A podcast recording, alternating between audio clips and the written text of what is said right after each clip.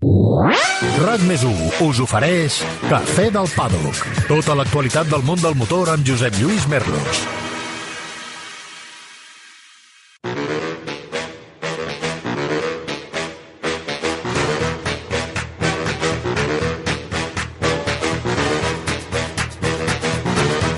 Què tal? Com esteu? Benvinguts una setmana més al podcast de RAC més Benvinguts al Cafè del Paddock. Quina setmaneta, mare de Déu, quina setmana. Plega Valentino Rossi. Leo Messi se'n va del Barça. Aquí tothom marxa, menys nosaltres, que per no fer no fem ni vacances. Aquí estem, al peu del canó, disposats a acompanyar-vos una setmana més per analitzar, en aquest cas, l'apassionant Gran Premi d'Estíria de MotoGP.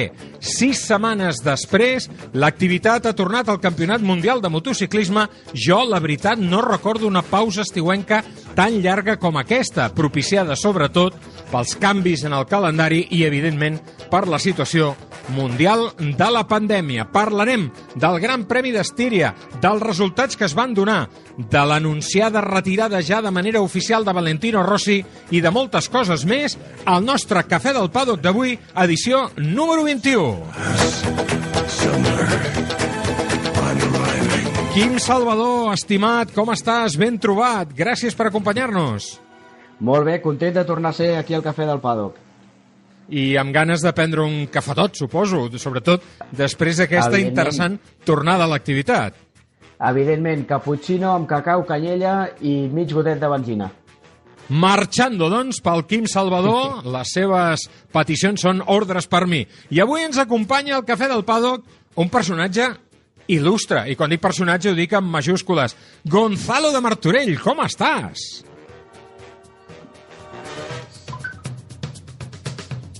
A part de mut, vull dir, perquè ara mateix no t'escoltem.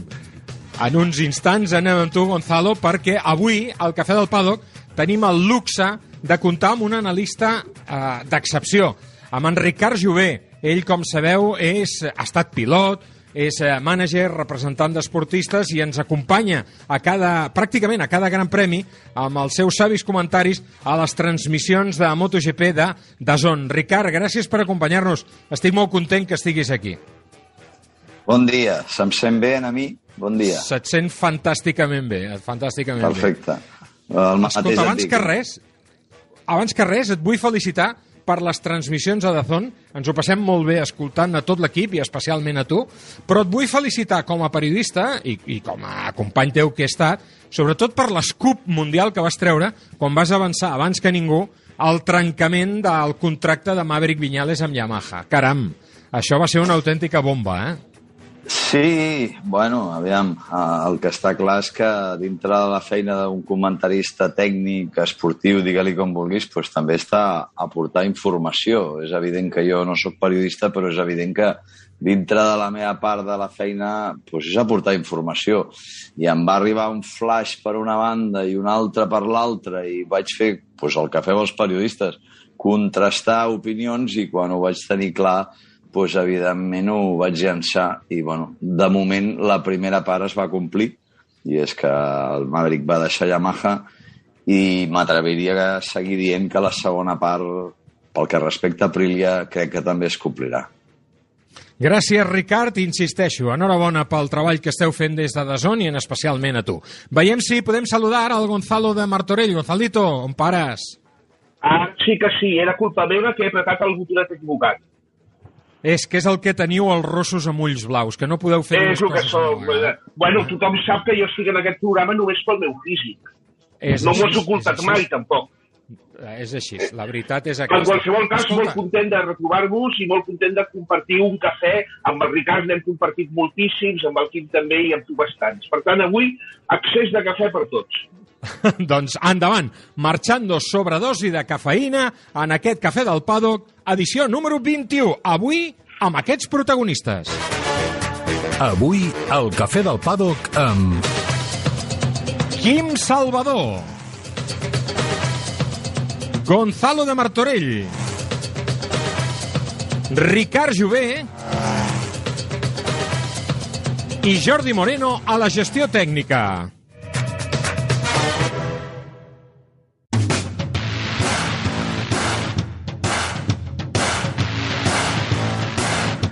El mateix dia que el Barça anuncia que Messi no segueix, Valentino Rossi explica que ho deixa a final de temporada. Dues victòries i tres doblets espanyols al Red Bull Ring, que repeteix el pròxim cap de setmana.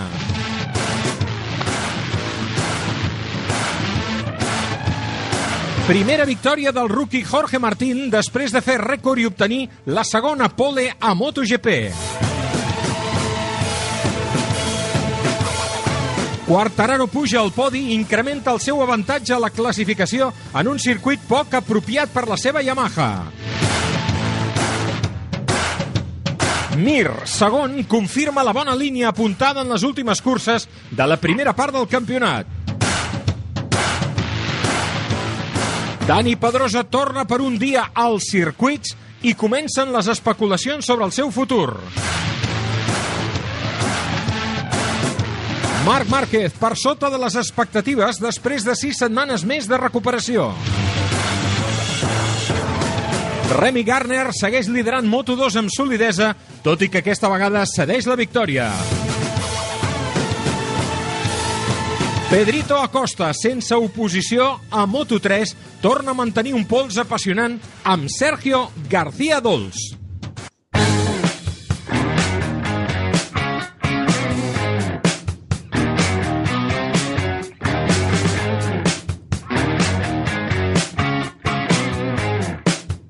Presentats els titulars, els propòsits informatius d'aquest cafè del Paddock, entrem ara a analitzar les claus del Gran Premi. Ho farem sobretot amb en Quim Salvador i amb en Gonzalo de Martorell. Després entrarem al debat ja amb en Ricard Jové.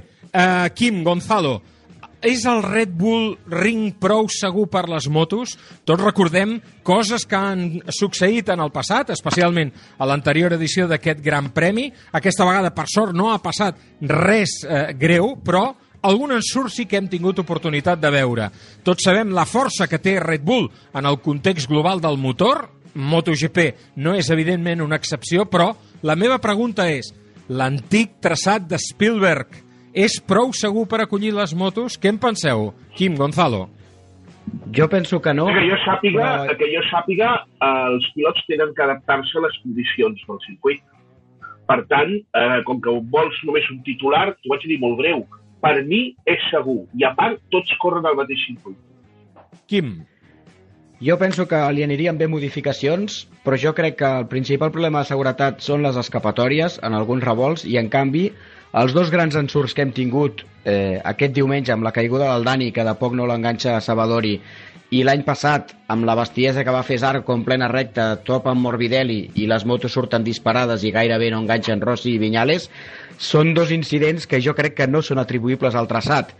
És a dir, que hi ha molt debat aquí. Tots els circuits són millorables, eh, els pilots, sobretot Aleix Espargaró, diuen que aquest circuit necessita moltes modificacions, m'ho crec, són ells els que es juguen la pell amb la moto, però insisteixo, els dos grans ensurts que hem vist darrerament no crec que tinguin a veure amb el traçat. Mm, Per tant, aquí és molt difícil. Circuit 100% segur, si has de córrer amb una MotoGP, eh, no n'hi ha perquè és un esport del risc. La victòria de Jorge Martín a MotoGP, una lanada d'aire fresc. Tenim ja un nou guanyador que s'afegeix a la nòmina de guanyadors diferents d'aquesta temporada. Ricard, penso que això és una magnífica notícia pel campionat en general. Que algú, i a sobre si és un pilot espanyol, amb un futur tan prometedor per davant, eh, i amb aquesta soltura amb la que sembla que està pilotant la Ducati, jo crec que això és extraordinari, no? Pràcticament sí. Eh, I a més afegiria perquè recordem que en el tercer Gran Premi Portimao va tenir una, moltes lesions, no una lesió, moltes lesions importants, amb la comportar recuperar-se físicament, perds el ritme, ha, ha perdut pràcticament doncs, tota la primera part del campionat, va tenir que abandonar Assen perquè no podia físicament. veritat és que és un circuit amb molts canvis de direcció que l'afectaven molt amb el físic, però després d'això la recuperació és que ha sigut impressionant.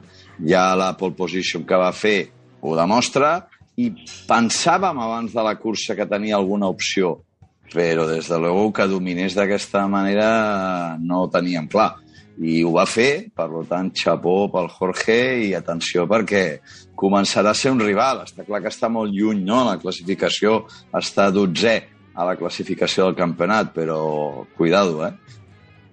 Recordem que s'ha perdut algunes curses per, per mort d'aquesta lesió que es va fer justament eh, a Portugal i que, que tu comentaves. Quim, la solidesa de Fabio Quartararo, n'hem parlat moltes vegades, però és que ja és molt més que una candidatura, perquè en un circuit on les Yamaha no semblaven estar mm, gaire a gust, ho veurem aquest cap de setmana, aviam com es desenvolupen les motos de la marca dels diapasons creuats, però de moment estem veient Quartararo pilotant amb aquella convicció que destilen els que estan conjurats per ser campions del món. Sí, sí, és exactament això. Jo crec que la cursa de diumenge confirma que Fabio Quartararo no és candidat, que ja ho sabíem, sinó claríssim favorit número 1 a campió del món de MotoGP 2021. Sempre s'ha dit, per ser campió del món, el dia que no pots guanyar has d'estar rondant el podi. Doncs mira, un dia que la victòria no la tenia a l'abast, patapam, tercer i amb tots els rivals darrere i a sobre, com dius, en un circuit dels menys favorables a la Yamaha. És la confirmació i queda mitja temporada, vaja, gairebé mitja temporada, però eh, m'atreveixo a dir que o, o, si no hi ha una desgràcia que ningú espera, és a dir, una lesió o alguna cosa així, eh, ja és molt difícil que els altres puguin atrapar Fabio Quartararo. Gonzalo, alguns analistes han dit que el campionat mundial actualment adoleix de grans figures mediàtiques, Marc Márquez a banda, la retirada de Valentino Rossi abona aquesta tesi, evidentment, però l'arribada d'algú tan fresc com Quartararo esquinça totes aquestes teories? Quartararo pot arribar a ser un mite com els pilots que hem eh, esmentat ara mateix? Home, li falta molt. I no li falta molt no només amb títols, que també, sinó sobretot amb exposició mediàtica. Al final, l'exposició mediàtica és una cosa que un es busca, eh? I fins i tot, a vegades, independentment dels títols, hem tingut, tots coneixem, grans campions que han guanyat moltes curses, que tenen molts títols, però que mediàticament no han funcionat mai, i d'altres que, sense haver guanyat tant, funcionen molt bé. Jo crec que Quartararo encara no estan a la fase de convertir-se en, un, en un protagonista mediàtic, però si aquest any guanya el Mundial, si el guanya a més amb una Yamaha, que a priori és la moto menys, menys guanyadora i Yamaha el posarà o la posar, eh, jo crec que Quartararo té que entrar en aquesta segona fase encara per ser mediàtic. Ara per ara no ho és. Ricard, hem vist aquest cap de setmana com han arribat alternatives a Moto2. Feia temps que estàvem esperant una victòria de Bezeki. És veritat que va arribar per una errada de Remy Garner, però els anuncis dels canvis de categoria eh, que han protagonitzat el mateix eh, Remy Garner, eh, però també Fernández, fins a quin punt aquest cap de setmana no poden haver-los distret una mica, no els poden haver alterat en el seu rendiment a eh, aquest Gran Premi d'Estíria? Bueno, jo crec que és evident, perquè ho ha reconegut un dels protagonistes, en aquest cas concret el Raúl Fernández, que tot el que ha passat en aquest llarg cap de setmana d'anuncis i moviments i fitxatges l'ha afectat, no va dormir pràcticament la nit del dissabte al diumenge i no estava centrat, em consta, i tenim aquesta cara B, que és aquesta falta de rendiment del Raül doncs, perquè no té el clar al cap, eh, i tenim la cara A, que seria Bezeki, que té clar que pot escollir de les dues opcions que té a MotoGP entre Yamaha Petronas i l'equip de l'UBR46. Per tant, diria eh, que té aquella tranquil·litat que te dona el fet de dir que tens el futur pràcticament arreglat i que, per tant, a partir d'aquí hem vist que ha fet un passet endavant Bezeki i jo crec que encara té opcions de lluitar, ja no sé si pel títol, però evidentment ho intentarà. I l última clau que voldríem analitzar d'aquest Gran Premi Moto3, Quim, és cosa de dos o d'un? El Mundial és cosa d'un, que és Pedro Acosta, que ha guanyat la meitat de les curses i a sobre, quan li busquen les pessigolles, lluita per guanyar quan es podria eh, conformar pràcticament, vaja, perfectament vull dir, amb una segona posició. Ara, el nivell de pilotatge i concentració i competitivitat eh, que ha mostrat no només aquest diumenge, sinó ja fa setmanes abans de l'aturada Sergio García Dols, és per tenir molt en compte. La diferència de punts em sembla insalvable, gairebé com en el cas que havia de Quartadaro, si a Costa no li passa una desgràcia que evidentment eh, no desitgem, però em sembla molt interessant, no crec que li arribi per lluitar al Mundial, però sí, en clau de futur, el nivell de Sergio García Dols. Aquestes són les claus d'aquest gran premi, de la primera cursa que marcava el començament de la segona meitat de la temporada. Una segona meitat que promet emocions fortes, que aquest cap de setmana viu un nou capítol, precisament, de nou, al Red Bull Ring, Gran Premi d'Àustria, agafant el relleu del Gran Premi d'Estíria. Però la gran notícia d'aquest cap de setmana va arribar abans de l'engegada dels motors en aquest Gran Premi. Ja a la roda de premsa del dijous, Valentino Rossi va complir la seva paraula i, com va prometre, després de rumiar-ho intensament a les vacances, quan va aparèixer al circuit, va ser per donar explicacions sobre el seu futur. La retirada de Valentino Rossi després de 26 anys al Mundial, que es farà efectiva quan s'acabi aquesta temporada, és el nostre següent tema d'anàlisi al Cafè del Paddock d'avui.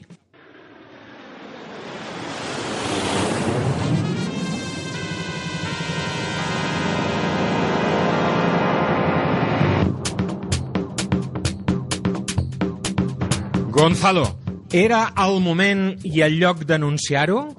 Eh, quina setmana, no? Se'n va a Rossi, se'n va del Barça a Messi... No sé què t'ha afectat... Bé, sí que ho sé.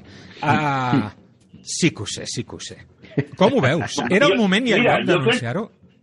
Eh, Jo crec que en realitat i tenen bastant a veure una cosa amb l'altra, eh? Vull dir que hagin sigut les dos, les dos retirades de dos personatges tan absolutament històrics en les seves especialitats, tenen molt en comú. Eh, la pena és que probablement la retirada de Messi ha eclipsat una mica no? la retirada de Rossi, però també crec que a final de temporada podrem donar-li l'homenatge que es mereix. Si era el moment o el lloc, sí, era el moment, perquè jo l'altre dia comentava amb alguns companys mig en broma, mig, en seriós, mig, mig seriosament, que el Rossi estat aquestes setmanes a casa seva a Eivissa, gaudint de la bona vida, gaudint de les vacances, del sol, del bon temps, i ha decidit que, escolta, que el potser ja sí que ha arribat el moment i que em fa mandra. Sí, era el moment i el lloc. Jo crec que, de fet, que Valentino Rossi es retirava era un secret de veus. La gran incògnita era saber si ho deixava immediatament o si esperava acabar la temporada. Òbviament, ha sigut aquesta segona opció, jo crec que per pressions de Dorna, perquè hi ha uns contractes amb uns patrocinadors firmats i realment aquesta era la gran incògnita. Però sí, era el moment i, òbviament, fer-ho ho s'ha de fer en un circuit de carreres. Quim, quin comiat et va agradar menys? El de Rossi o el de Messi? per les formes el de Messi, perquè tot el vodevil de... En fi, no, no, no farem ara la cronologia perquè estaríem eh, tacant, entre cometes, de futbol un programa de motor. A mi m'apassionen les dues coses, però aquí som per parlar de motor. El de Rossi, la veritat és que no m'ha semblat malament. El que passa és que, és clar, anunciar que plegues a quatre mesos vista queda molt fred, no? No té la motivitat de, de quan el Jorge eh, va aparèixer a València i va dir, era un dijous i va dir, senyors, diumenge plego. Eh, és molt diferent aquí. Rossi et diu, eh, sent el personatge que és i amb tot l'impacte que ha generat, perquè evidentment eh, és l'impacte que ell té en el món, no ja del motociclisme sinó de l'esport, però dius, senyors, que plego, però al novembre, eh? Dius, ah, d'acord, doncs encara tenim temps per gaudir gaudir o no, perquè el que està fent aquest any malauradament no, no fa gaudir els seus fans, no? Però, però l'impacte és molt diferent i no sé si Josep Lluís si la pregunta va perquè si esperaves alguna cosa més emotiva, més grandiloquent hi haurà temps per fer-ho, no? El Mundial ha de passar per Misano, que és casa seva, l'última cursa serà València. Sí que és veritat que va quedar poder un anunci un pèl desengelat per ser qui és, però vaja, mm, és el moment que és, era el moment de dir-ho, perquè jo crec que ja, vaja, jo ja ho sabeu, els que escolteu sovint el Cafè del Pado, que ja fa temps que esperava un anunci de retirada de Rossi, perquè fa anys que això no va, no, no, no és d'aquesta temporada, i en fi, eh, doncs sí, ho ha, dit, ho ha dit amb total serenor, no sé si influït per les vacances, com diu el Gonzalo, i tindrem temps de fer els homenatges que pertoquen a, a Valentino Rossi. De totes maneres, No, Ricard? no creus Sí. Perdoneu, no creus que precisament aquests tres mesos de marge o quatre mesos de marge el que està fent el Valentino és avisant els patrocinadors de que hi ha una transició a fer? És un punt de vista interessant, sí. Eh, els patrocinadors, l'organitzador, tothom. Vull dir, és una Exactament. diferent, un Mundial sense Rossi, però un dia o altre havia de passar.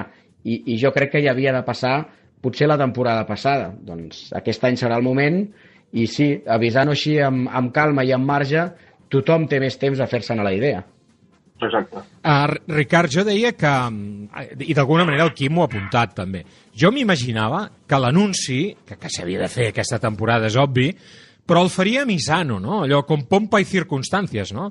gran premi en el qual el públic doncs, hi assistirà de manera, esperem que massiva, tant de bo sigui així, a casa seva. Ostres, jo no ho sé, ja que el Barça no ha sabut acomiadar Messi com cal, eh, m'imaginava que MotoGP sí que no vull dir que ho hagin fet malament, eh? Dir, en absolut, però eh, sí que m'esperava, doncs, això, no? Un, un anunci amb, amb un escenari molt més a toc. Bueno, eh, la veritat és que, per una banda, te dono la raó, per l'altra també penso... És que va ser ell que va dir que Àustria, després de l'estiu, donaria l'anunci de, del seu futur. Per tant, el que ha fet és complir i no allargar-ho més. Per tant, en aquest sentit, sí que és veritat que va ser sobtat, perquè ens ho van dir el dijous, i quan, quan citen amb un, amb un pilot a fer una roda de premsa i sol, tots havíem entès que, el que significava. I sí, és possible que quedés, jo diria, un pèl fred, perquè també les condicions del Covid van, van fer que no es pogués fer alguna cosa pues, com el que vam veure, per exemple, a la despedida del Jorge Lorenzo, eh, que era pues, tothom allà i, i arropant-lo i, i apoyant-lo. En aquest cas, jo crec que encara queda molt perquè, com dieu, i molt bé, a Misano es monti una festa important. Jo crec que Misano... No sé, igual la lectura és al revés. Igual ho diu ara perquè la gent tingui temps de preparar-se a anar a Misano. Bona, bona. Bon Saps? apunt aquest, bon jo què sé, aquí al final fa falta una estratègia com en una campanya política, els estrategues aquests de... No ho sé. Eh, la realitat, al final, que es retira, mm, que s'acabó. I jo et juro que pensava, per un moment, per informacions, no, no per sentiments, que va estar molt a prop de continuar amb el seu propi equip i amb el seu germà de company. Us ho puc assegurar, molt a prop. I que només fa 15 dies que va prendre la decisió final, perquè no la sabien ni la gent... O sigui, la gent que tenia el seu cantó volien que continués i ho estaven intentant convèncer. Eh, està clar que el seu cor ja estava retirat, però va estar a punt, eh? a punt de continuar. A mi m'hagués agradat molt eh, veure Valentino acomiadant-se dalt d'una Ducati. Sé que, que, que probablement doncs, eh, això no implicaria que, que estigués al davant una altra vegada, aspirar a guanyar aquest desè títol que finalment no podrà ser, però de, de tota manera, diguem romàntic, probablement. A mi m'hagués agradat veure un italià dalt d'una moto italiana, no? M'hagués agradat perquè, d'alguna forma, Rossi va deixar una signatura pendent a Ducati, no? I hagués, hagués estat bonic com a mínim intentar-ho. Gonzalo, mm, la porta no va acompanyar a Messi a la roda de premsa a l'Auditori 1899. Estava a primera fila. Carmelo Ezpeleta, que va fer costat a Jorge Lorenzo quan es, es va acomiadar justament a València, en aquell últim gran premi, um, en canvi, sí que hem pogut veure com uh, aquesta vegada Carmelo Espeleta estava a la primera fila, però no acompanyant a Valentino Rossi. Quina lectura fas d'això? Et creus realment el que ha dit uh, uh, Carmelo en alguns mitjans, que ell no ha intentat convèncer a Rossi per continuar? Si ell ho ha dit, m'ho crec, però què en penses tu d'això? D'entrada crec que ha estat elegant, perquè estant allà li hagués estat protagonisme. De totes maneres, el propi Carmelo, a mi, ja fa dues temporades, i crec que vosaltres també ho parleu, parleu segurament, em va dir que el dia que Rossi es retirés i quan ell volgués, tindria sempre una posició, una cadira en Dortmund. Per tant, jo crec que hem assistit a l'adeu de Rossi com a pilot, però no hem assistit a l'adeu de Rossi ni molt menys com a gestor. Uh, jo crec que Rossi acabarà d'una manera o altra uh, a Dorna. I llavors serà el moment en el que per donar-li la benvinguda molt probablement eh, estigui sí, al seu costat Carmelo Espeleta. Però deixa'm fer un apunt molt breu. A Josep Lluís, encara que tu ets un romàntic, Ducati no ha sigut mai la, la marca de Valentino Rossi, eh? Rossi yeah, no ha sigut yeah. mai a veure amb Ducati, eh? Ell, en tot cas, si vols una marca italiana, Aprilia, que és amb la que va començar, però eh, Rossi i Ducati no han tingut mai cap relació més enllà d'aquelles dues temporades eh, desastroses. Um, Quim, lectura que tu fas del tractament de Carmelo Espeleta, d'aquesta retirada de Valentino Rossi, Um, a, a mi hi ha, moltes coses d'aquest comiat de Valentino que m'han agradat molt. Per exemple, em va entusiasmar les declaracions que va fer Valentino, ja ho sabem que la sap llarga, però a l'entrevista que li va fer a l'Izaskun, abans parlàvem del bon treball que està fent de zona amb les seves transmissions, l'Izaskun també n'és una bona representant, com òbviament l'Ernest, eh, el Carles i tot l'equip, el Ricard, l'Àlex, el Checa, um, però li va fer unes declaracions Valentino Rossi a l'Izaskun on Rossi mostrava el seu agraïment per l'escalf que sempre li havia dispensat l'afició espanyola, l'afició d'un país amb alguns dels seus rivals més ferotges.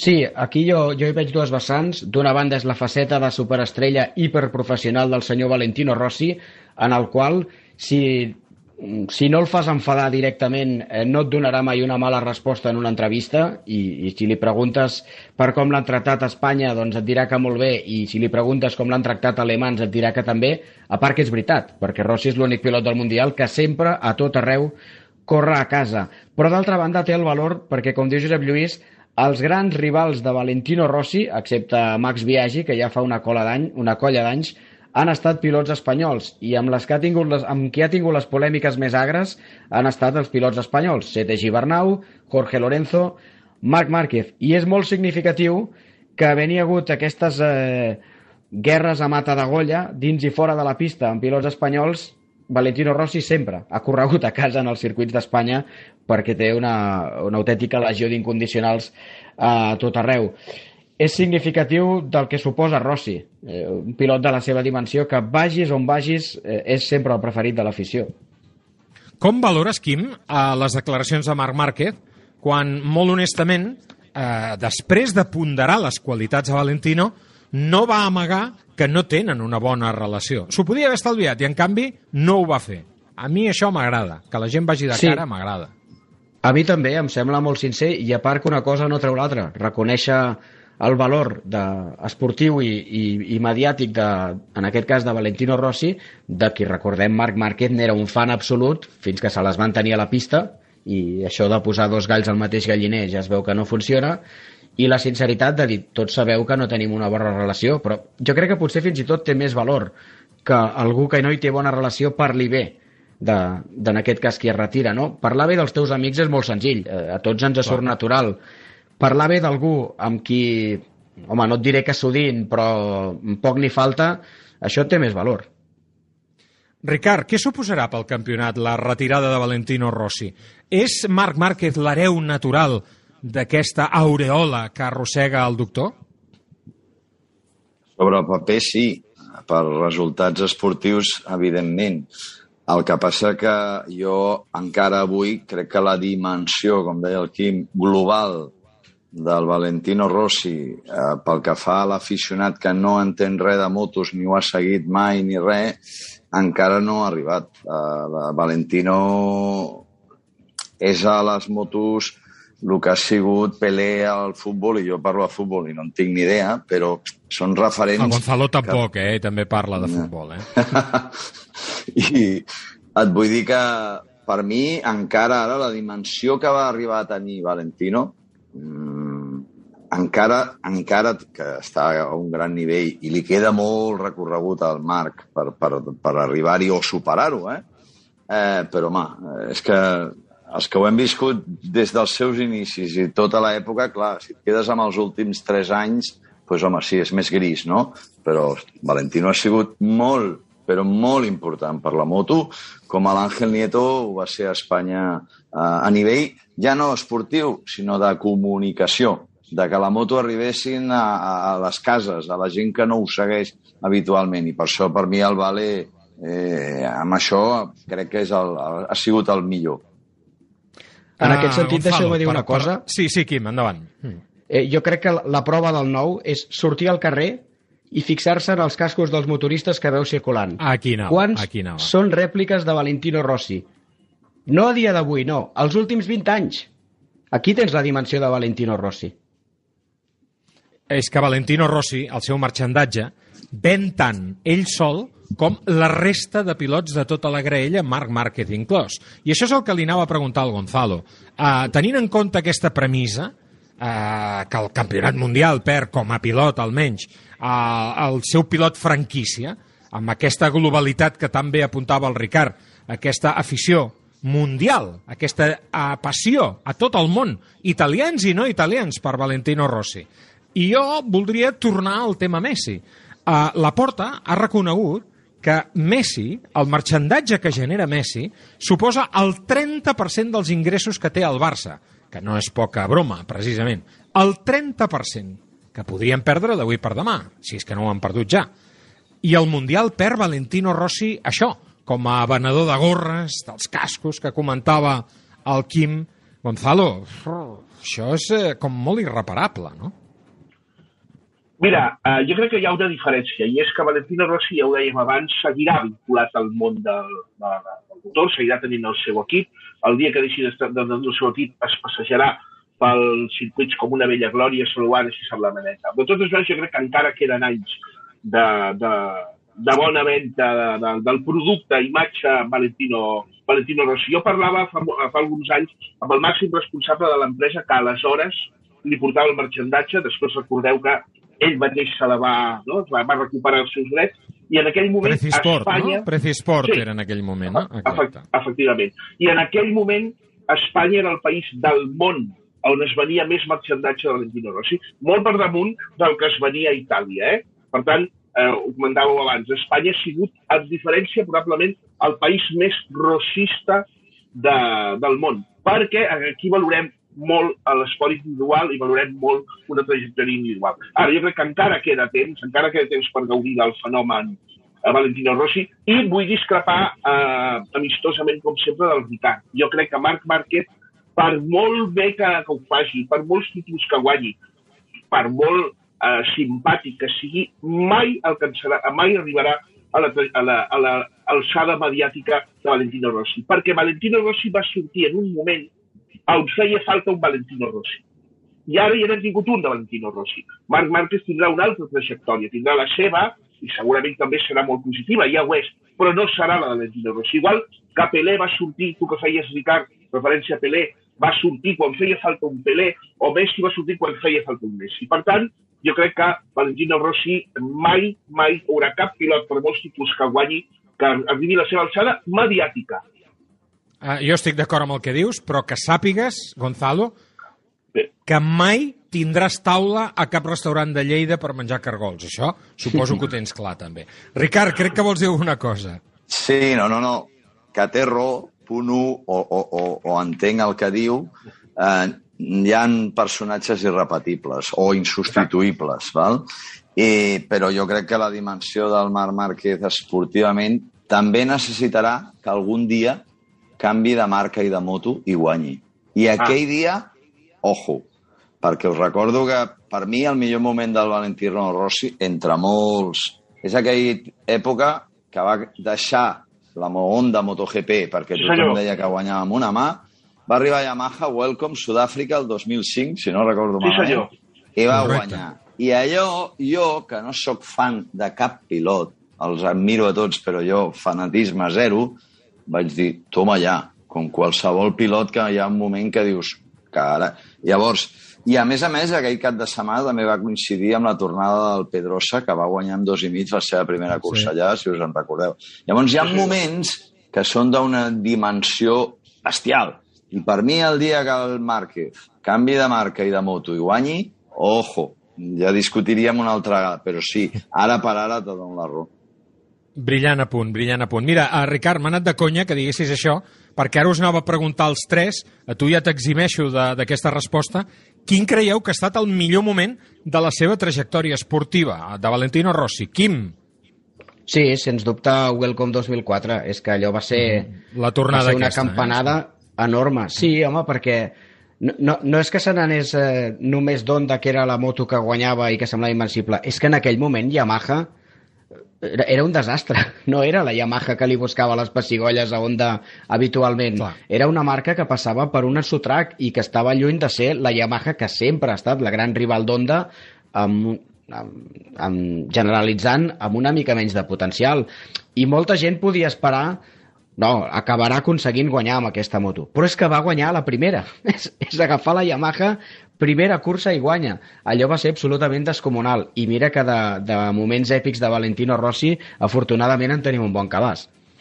Gonzalo, per tu, quin és el... Jo, vaig, jo recordo, jo recordo un, un, un opinador de carreres, de curses, que es diu Gonzalo, que en aquell moment va dir el Valentino Rossi no es menjarà un torrat en la Yamaha durant dos anys i em va fer callar i, de, i ja se m'ha quedat la cara de tonto des d'aleshores, però per no repetir, perquè per dir també és aquest moment, per no repetir que hi hagi una mica més de debat, també et diré que quan va guanyar amb la Nastro Azzurro 500 de dos temps, que molts deien que Valentino Rossi amb una moto de dos temps, amb una 500 d'aquelles Big Bang, doncs eh, no seria capaç de fer-ho bé i en aquell moment també ho va fer bé.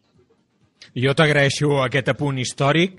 Eh, en nom dels que som més joves, agraïm moltíssim aquest, aquest viatge al Juràssic que tan amablement ens has eh, patrocinat, Gonzalo. Saps què passa? Que nosaltres a aquella època Clar, és que no anàvem al parvulari, clar, no, no, no, no, No, no, no, tant, això. no tant, seguíem. perquè jo vaig dir que el Rossi no es menjaria res durant dos anys va ser un programa teu. Era el meu pare, ja ho saps. Era el teu pare. I feia els programes d'aquella època. Escolteu, uh, molt ràpidament, els tres, què li ha faltat a Valentino Rossi? Ha deixat alguna cosa pendent? Uh, Jo Ricard, molt ràpid, retirar-se abans. va, retirar-se abans, Gonzalo. Vale, ja ho has dit. Sí. Ricard, Bé, una obvietat, arribar a la, de, a la desena. Evidentment ha sigut des dels darrers tres anys aquest desè títol el que ha amargat una mica, potser, o ha inclús eh, creat aquella polèmica que es va crear, etc. però sí, crec que el desè és el que ha fet, la búsqueda d'aquesta arca és el que l'ha fet estar tants anys aguantant per aquest, aquest retiro que deia el, el Gonzalo que hauria d'haver sigut abans ha sigut, suposo, per buscar aquest desè títol.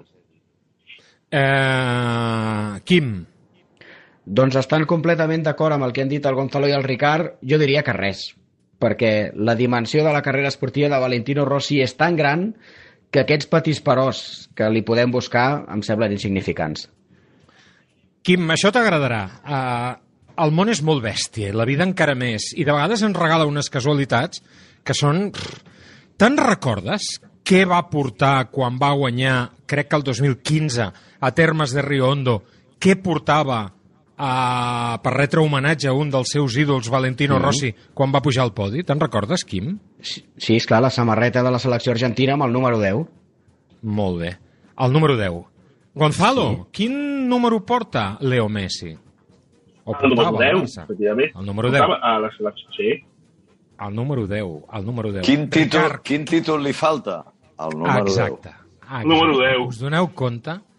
El 10 dels déus. Aquesta ha estat la setmana de l'ocàs dels déus. Deixem el tema Valentino Rossi, fem una petita pausa i tot seguit analitzem el Gran Premi d'Estíria al detall. La setmana del 10, la setmana dels déus, la setmana de l'ocàs dels déus. RAC Més? 1. Em vull vendre el cotxe, vendre el cotxe. A vender mi cotxe et comprem el cotxe. Però com? On i quan? No tinc temps. Fàcil i molt de pressa. No cal ni demanar cita. Vine amb el teu cotxe, accepta la millor oferta i abans de 30 minuts tu i els teus diners estareu de tornada a casa. Vinga, venta el cotxe a vender mi cotxe. Som a Barcelona, al carrer Rocafort 78, Cornellà de Llobregat i a Sabadell. Estrena les vacances amb cotxe nou a Ocasión Plus. Més de 4.000 cotxes disponibles amb descomptes de fins a 6.000 euros i només fins a finals de mes. No et quedis sense, les millors oportunitats volen. Ocasión Plus. Dues botigues a Terrassa, una altra a Mataró i també a ocasionplus.com. Obrim els dissabtes matí i tarda. Cafè del Pado, amb Josep Lluís Merlos.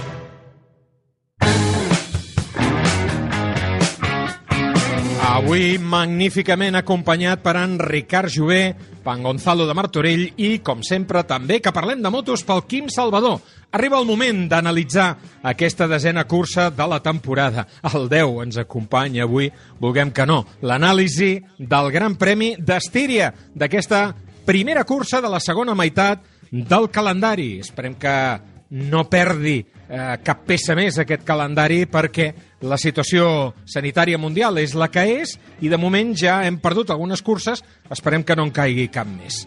Bé, amics, segona pole de Jorge Martín, això el dissabte, i rècord de la pista. Abans el Ricard ho ha comentat, té molt mèrit en una primera temporada MotoGP eh, guanyar dues curses, però sobretot té molt mèrit guanyar recuperant-se de les terribles lesions que es va fer amb la seva caiguda a Portimao. Uh, Quim, l'hegemonia històrica de Ducati en aquest circuit, una frustració per les altres marques, què creus? És un circuit on no hi ha frenades, és un circuit on pràcticament no es talla gas, com aquell qui diu, eh, el Revolt 3 es fa en primera velocitat, això és un tòpic, però, per exemple, és un circuit que a mi m'agrada molt per Fórmula 1 i no m'agrada gens per MotoGP en quant a conducció. Ja em perdonareu. És un traçat molt diferent no, del, dels que estem acostumats a veure al Mundial. Jo crec que precisament per això té un punt d'interès, deixant el debat de la seguretat al marge, que un circuit tingui uns angles com l'1 i com el 3 que són directament antimotos, però, escolti, com deia el Gonzalo, la pista és la que és i vostè està de, ha d'intentar anar de pressa aquí. Eh, jo crec que el fa interessant. La superioritat de Ducati, mira, no sé si els, eh, els rivals estan eh, frustrats o ja fins i tot resignats, perquè és que Ducati ha guanyat 6 de les 7 curses que hem vist a l'era moderna, des que es va recuperar el calendari d'aquest circuit, eh, allà al Red Bull Ring i Jorge Martín tot el mèrit del món, però tenint en compte, i no penseu que li vull, que li vull treure cap medalla, que se les mereix totes, que és un circuit clarament Ducati. Això sí, ell ha aprofitat l'oportunitat que, suposo que en parlarem més tard, tots els seus companys de marca han desaprofitat i resulta que són els altres els que han d'intentar disputar el títol mundial. Martín Chapó, perquè em sembla que ningú l'haguessin posat a les travesses per guanyar el Gran Premi ni dijous ni divendres i ha fet una autèntica exhibició. Eh, Ricard, tu que has estat pilot, eh, escolta, ajuda'm, ajuda'm. Um, T'ho dic perquè ja ho sé que no eres tu, que era el teu avi, aquell que pilotava amb la Metrakit i, i l'autissa, ja, ja ho sé, ja ho sé. Però tu tens un punt de vista molt millor que el que tenim nosaltres, tot i que els quatre anem en moto habitualment, no sabem anar tan de pressa com hi has anat tu. Explica'm una cosa, com pot guanyar la Ducati al Red Bull Ring, on pràcticament no es frena, i guanyar Jerez? Aviam, però que ens hem tornat locos o què? O sigui, no vam quedar que les Ducatis guanyaven a Mugello perquè hi havia aquella recta tan bèstia i, i en canvi després han guanyat a Jerez. Què passa? Que cada vegada hi entenem menys o que cada vegada les motos són més versàtils? Jo tinc una frase que faig anar molt i és que primera que dos i dos no són quatre en moto. O sigui, no, no existeix. I el que més cregui tenir la raó absoluta és el més ignorant de tots, perquè tens que tenir el cap molt obert bo, a entendre que, que, que no, que hi ha un factor humà, que està per sobre de la tecnologia, que hi ha evidències, que, que la Ducati accelera molt, que la Yamaha té un bon pas per curva, que la Honda té problemes eh, i és una moto crítica. Sí, hi han coses que són òbvies, però és que al final està tot en mans d'un ser humà d'una edat mitjana entre 20 a 22 anys o 24 a MotoGP, que tenen bons dies, mals dies, tenen crisis, tenen... És que, és que la psicologia, el coco és el 60%, o, o la part del pilot és el 60-70%. Per tant, d'aquí que podem arribar a veure que una Ducati guanya Jerez, com has dit tu, o que Jorge Martín guanya aquí, però és que no és que guanyi, és que en el segon li va donar un segon i mig, però el tercer sí, sí. 10 i en el quart 12. Això és, no, no és normal, tampoc, no? Per tant, per què? Perquè sí, hi ha molts aspectes tècnics que tal, però hi ha uns aspectes no mm, tangibles, no controlables, o controlables però no d'una manera mecànica, física, sinó humana, que fa que, que les coses derivin cap a una banda i cap a l'altra. Per què? Per... Un exemple i acabo. Perquè una Yamaha està guanyant i l'altra està mm, fent mals resultats que hi ha molts variables, absolutament, però el factor humà segueix sent molt important, almenys amb les motos, gràcies a Déu. Jo sé que aquest cap de setmana, Gonzalo, ha estat especial per tu. Eh, no ho dic per la retirada de Rossi, tampoc eh, per la partida de Messi del Barça, sinó per la tornada de Dani Pedrosa als circuits. Eh, he estat visualitzant eh, la teva imatge a casa vestit de pedrosista de dalt a baix, recuperant aquella samarreta de la, de la Movistar, de la Copa Movistar, amb el teu... M'arribava el malic, m'arribava el malic, Exacte. però me la vas No, posar igual. Sí, Ah, sí, sí, ja m'ho imagino, ja. ja Volem la foto. No, gràcies. No li veig la necessitat, però vaja. Uh, què? Què vas sentir veure un dels teus ídols al campionat mundial? I jo sé que els, els verdaderament padrocistes estan molt, eh, esteu molt excitats amb aquest retorn i esteu veient el retorn de Dani, de Dani Pedrosa com si fos el retorn de Freddy Spencer, que per cert va acabar malament, aquell retorn també. Però és que jo crec que no hi ha més que el que ha dit el Dani, que va ser sortir per provar coses. I, de fet, ell, quan va acabar aquell gran premi, va explicar que havia tret moltes conclusions eh, per, per millorar la moto sobre la tracció, sobre l'acceleració. Gairebé va parlar més d'això que de la cursa, que la va centrar únicament amb la por que havia passat, lògicament, amb, amb la caiguda. Per tant, jo crec que... Home, no home jo quan vaig veure aquella, quan vaig veure aquella imatge de Salvadori, del Dani, Sí, sí. de les dues motos en Sí. flames, eh, he de confessar que em vaig cagar viu, eh? Vull dir, Sí, sí, de sí, no, clar no, ho dic. que la seva- I jo, jo la El que veig foc era en una era pista... perfectament comprensible, eh? Perfectament Clar, comprensible, escolta, no m'estic potent. Però jo vaig viure... Ell va centrar Jo, jo vaig viure Gonzalo, jo no hi era, evidentment, però, però recordo aquella imatge bestialment, uh, el Corbone de Monza, amb Renzo Pasolini, Jarno Sarinen, Jarno Víctor Sarinen. Palomo, eh? tot un grapat de motos enceses allà.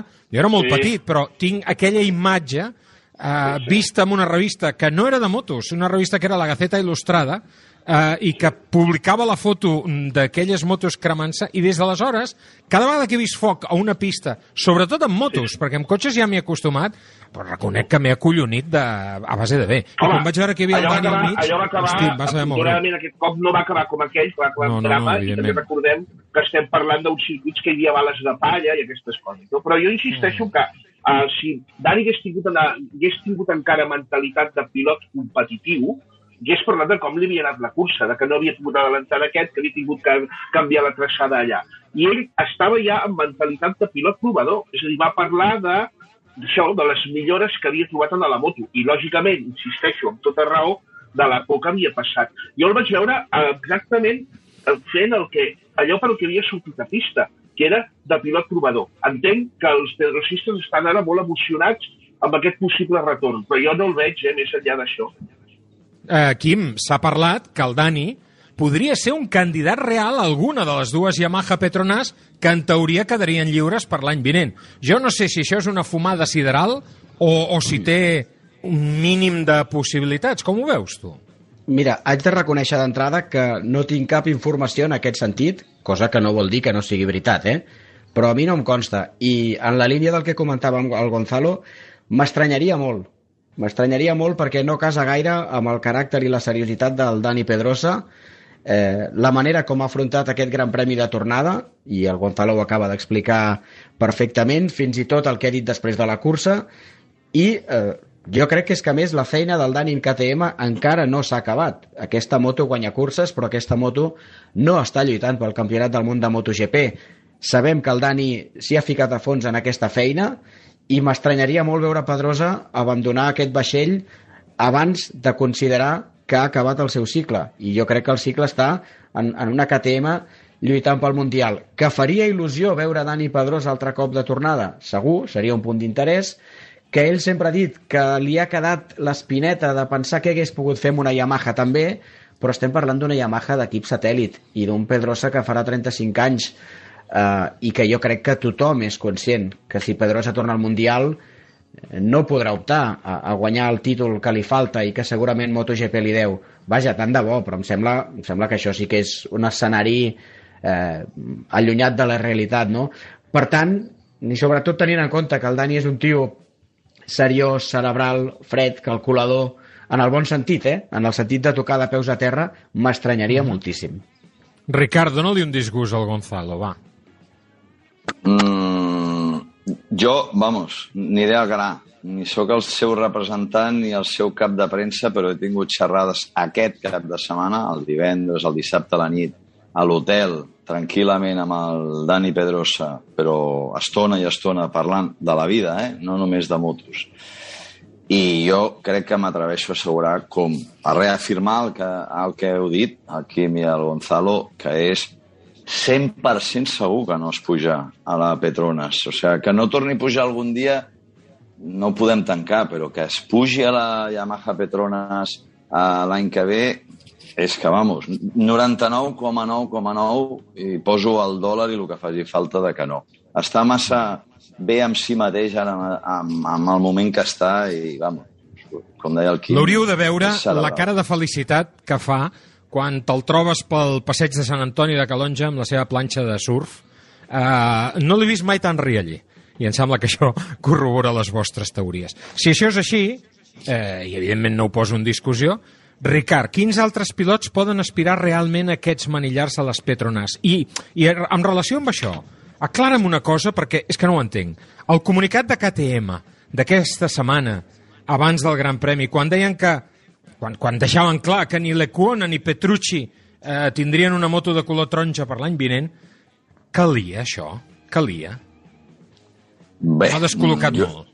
Jo diria que no, absolutament no. Però què ha passat?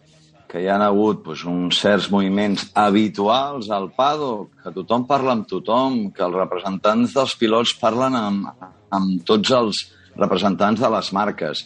I tot i que contractualment, tot, repeteixo, contractualment, al, al cas de, del Raúl Fernández, no se'n pot anar a Yamaha Petronas, pues encara hi ha hagut pues, alguna conversa de paddock, d'allò, i això ha creat nervis perquè a la casa de KTM, al circuit de KTM, volien que, que les coses quedessin clares i han provocat el que tu dius. Una comunicació durant un FP4 donant a entendre o deixant clar ja que baixaven de la moto a, a Lecuona i a, i a Petrucci, que això ja sabia, pues, amb poc tacte i, a més, comunicant per forçar l'obligació l'obligació d'entendre que el Raúl Fernández estarà sí o sí a les files de KTM de MotoGP. Aleshores, tot sí, molt, molt precipitat, mal gestionat i la veritat és que... Però el fons de tot això, només per donar-vos una idea, és que KTM, el contracte, mmm, té el control de que Fernández no se'n pugui d'anar i, a més a més, hi ha hagut un pacte entre Yamaha i KTM perquè així sigui. Yamaha, sense una carta d'alliberació, no ho hagués agafat al final el Raül, per molt que ell vulgui. I al final aquesta és la situació. O sigui que les marques s'han, entre cometes, pues, posat d'acord per no hi hagi mm, una agressió i que hi hagi un pacte de cavallers. Això que expliques ho he viscut tantes vegades a la Fórmula 1 amb l'àmbit justament de Red Bull, pilots que han marxat de uh, l'empara de Red Bull, que han deixat de ser pilots oficials Red Bull, però que per unes quantes temporades més s'han vist amb l'obligació de continuar lluint el logo de Red Bull al casc com a contrapartida, per dir-ho d'alguna manera, dels emoluments que van cobrar en el seu període de formació per part de, de la marca de gasoses aquesta.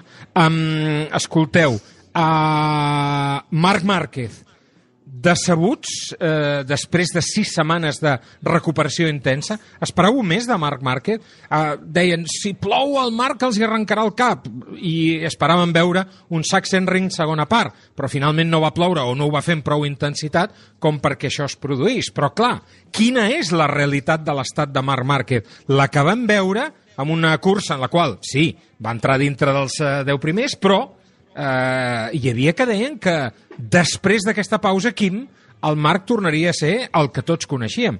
Jo no ho vaig fet- veure així. De fet, jo, jo era partidari d'això, de que tornarem a veure aviat, i encara ho sóc, eh? El Marc Márquez, si no al 100%, molt a prop. És evident que, que el seu rendiment ha estat per sota del que molts esperàvem. Eh, jo hi veig aquí alguns atenuants que no vol dir que, que ho excusin del tot, eh? Que és eh, errades en cursa. Jo crec que el Marc tenia més velocitat del que diu la vuitena posició, eh, només començar se'n va per fora de la pista, després amb els nervis i les ànsies de remuntar, perquè ell es veia amb capacitat d'estar més endavant, es precipita diverses vegades i, i acaba quedant eh, força enrere, i això hi sumem que encara no ha completat la recuperació, encara no està al 100%, i que el Red Bull Ring és l'únic circuit del campionat en Portimau, però és que Portimau ja ha corregut una vegada, on Marc Márquez no hi ha guanyat mai. És a dir, que era l'escenari menys favorable per veure una exhibició de Marc Márquez, o si no una exhibició, un Marc Márquez a prop del seu nivell. Jo crec que encara haurem d'esperar, però ja, ja t'ho vaig dir abans de les vacances i ho mantinc, jo estic convençut que el senyor Márquez guanya a Austin i el Motorland. Doncs ara veient aquesta situació de Marc Márquez, com entenem l'agressivitat al començament de la cursa, les queixes de l'Eix Espargaró, per exemple, a Gonzalo? L'havien d'haver penalitzat o és- no? Ah, jo crec que en, en aquell en concret és clarament culpa de Marc Márquez que se li para el comptador, com diem en l'argot. Jo crec que és una mica un, un, un símptoma de frustració, no? de voler solucionar una sortida tot. Abans parlava el Ricard del factor humà, no? I ho enllaçàveu també amb el Jorge Martín, amb la força psicològica que ha tingut per tornar tan bé després d'una sèrie de lesions tan fortes. Jo crec que Marc Márquez, la lesió psicològica encara no, no l'ha superada. Jo crec que Marc encara corre amb una llumeta apagada. El dia que se li encegui aquesta llumeta tornarà a ser el que és. Però jo crec que ara per ara, i jo, igual que tu, Quim, vaig dir també que Márquez guanyaria curses aviat, eh, jo crec que aquesta llumeta encara, encara no se li encès. I aquesta, aquesta, aquesta maniobra amb Espargaró, jo la veig, això el Ricard, que ho ha viscut dins de la pista, ens ho pot dir millor, però jo la veig com una maniobra de frustració, precisament. Ricard, eh, acabem ja aquest bloc de MotoGP. Maverick Viñales, abandonament, després de fer una molt bona primera sortida i els posteriors problemes mecànics que va tenir. Tot plegat, eh, creus que podrà aguantar aquesta situació a l'equip en aquesta segona part de temporada? Això, com va dir aquell gran filòsof oriental, eh, esto es un infierno. Eh, realment, aquest final de temporada pot ser terrible, no? Uh, sí, sí, perquè, perquè és així, però bueno, són professionals i cadascú farà la seva feina fins al final, o així ho vull entendre. I respecte al que va passar, doncs no ho entenc, perquè gran, i dic gran perquè com que habitualment no és així, sortida del Maverick a la primera cursa abans de la bandera vermella, i sembla ser que a la, a la parada li van canviar l'embrague, o això és el que ha transcendit.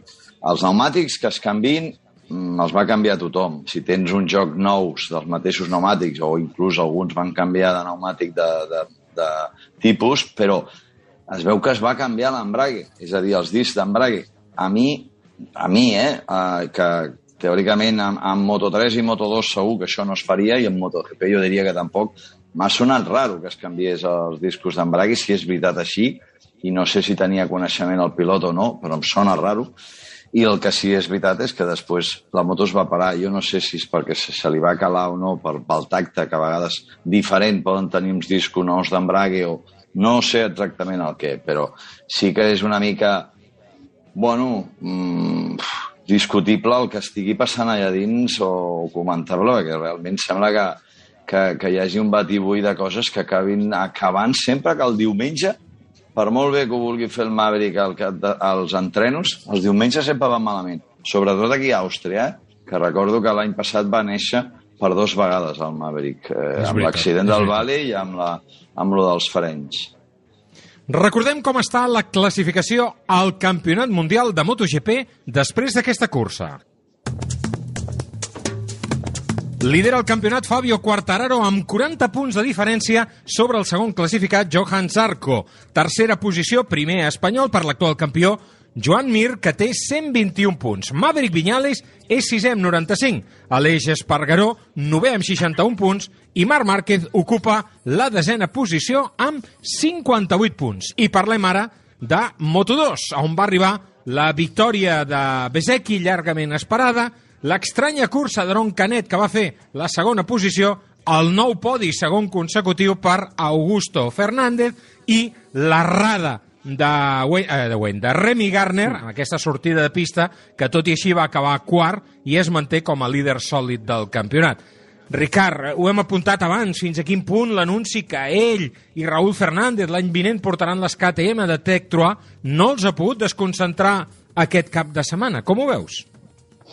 No és que l'hagi pogut, és que ho puc confirmar perquè del seu entorn més proper m'han confirmat així. No va dormir. Després del warm-up se'n va anar a dormir per intentar descansar una mica perquè havia passat la nit del lloro perquè està, és molt jove i amb tot això pues, ha tingut reunions amb la gent de KTM, hi ha hagut, bueno, hi ha hagut el que hi ha darrere de, de les càmeres de despatxos i, i, i hi ha hagut situacions que per un nano tan jove no són tan fàcils de gestionar i, efectivament, eh, el va...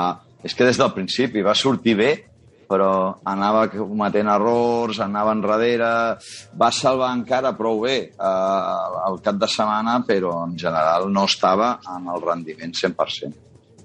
Gonzalo, què et va semblar la penalització a Augura per trepitjar la ratlla blanca i tot aquest merder de la segona necessitat de tornar a fer la long lap?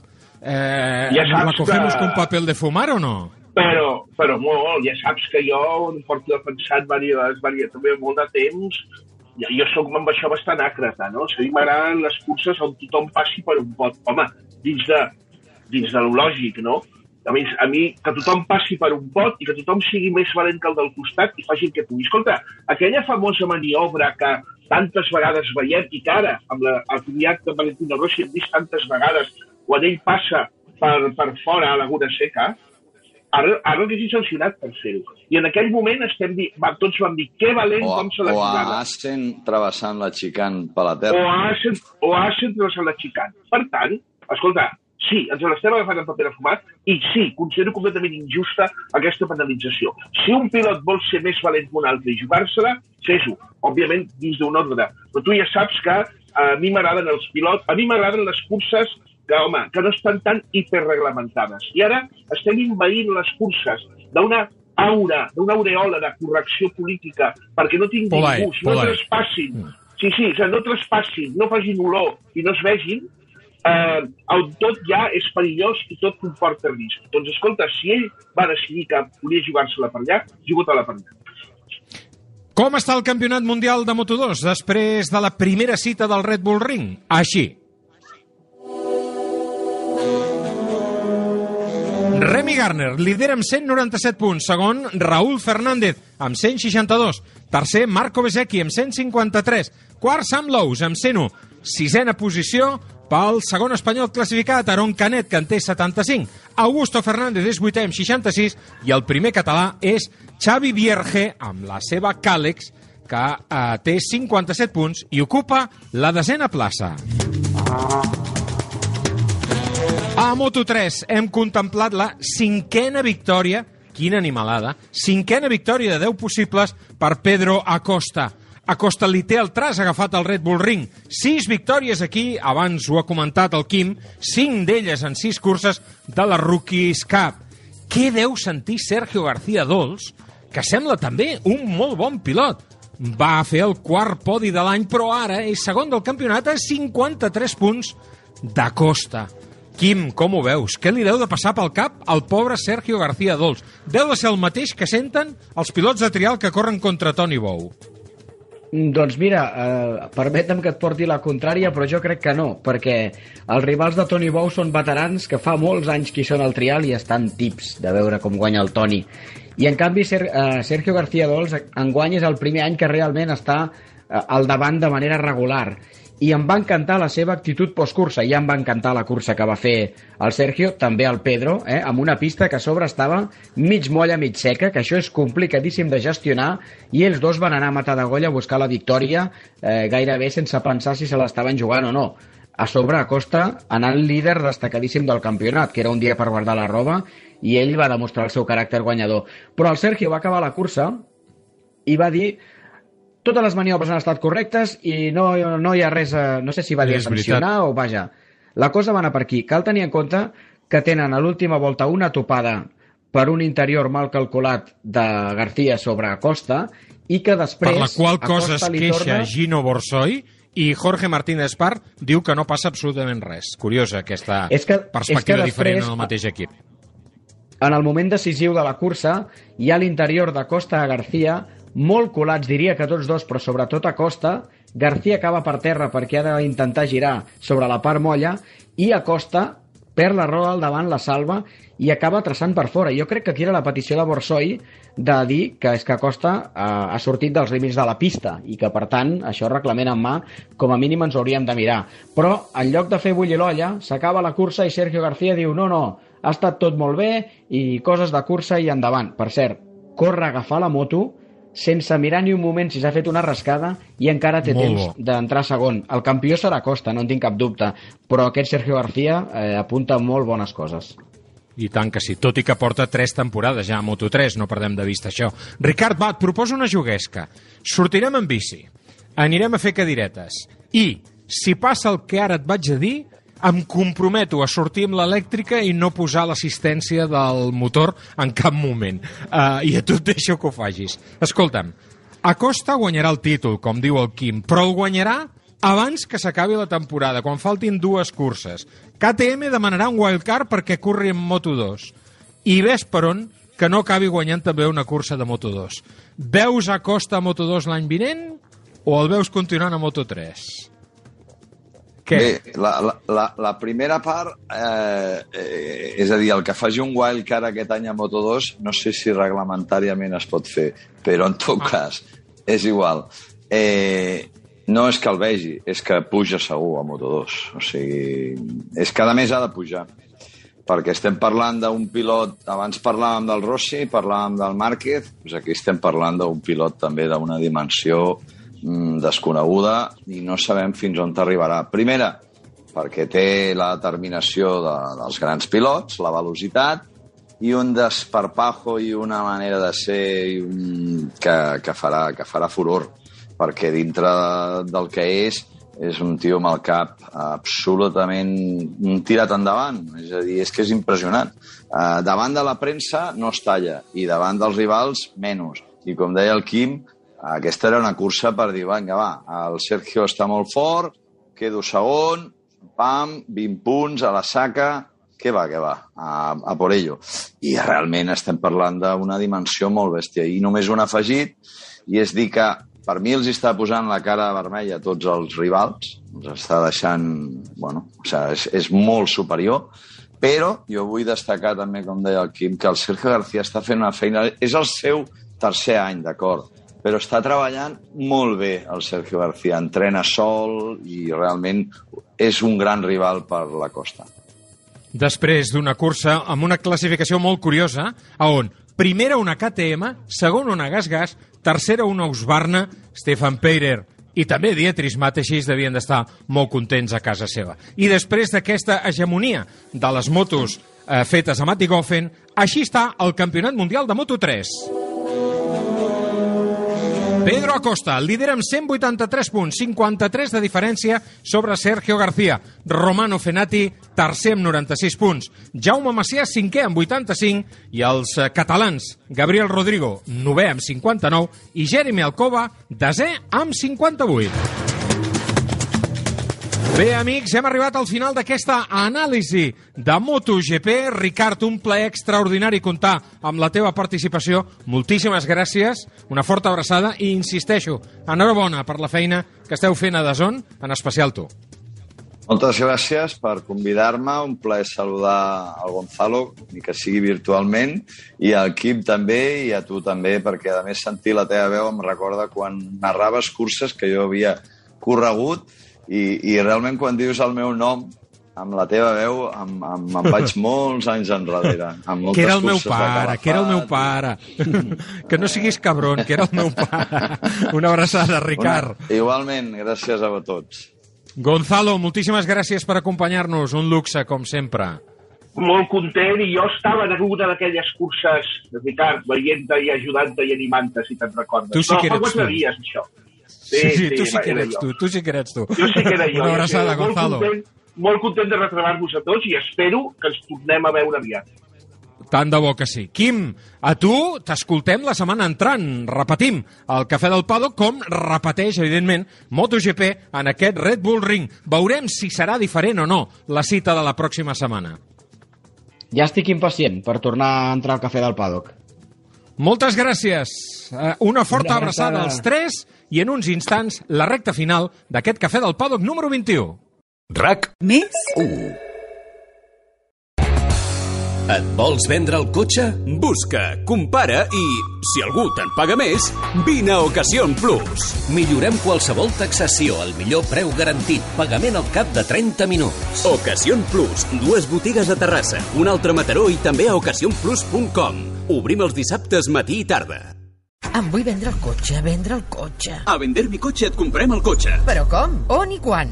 No tinc temps. Fàcil i molt de pressa. No cal ni demanar cita. Vine amb el teu cotxe, accepta la millor oferta i abans de 30 minuts tu i els teus diners estareu de tornada a casa. Vinga, venta el cotxe a vender mi cotxe. Som a Barcelona, al carrer Rocafort 78, Cornellà de Llobregat i a Sabadell. RAC més us està oferint Cafè del Paddock. Tota l'actualitat del món del motor amb Josep Lluís Merlos.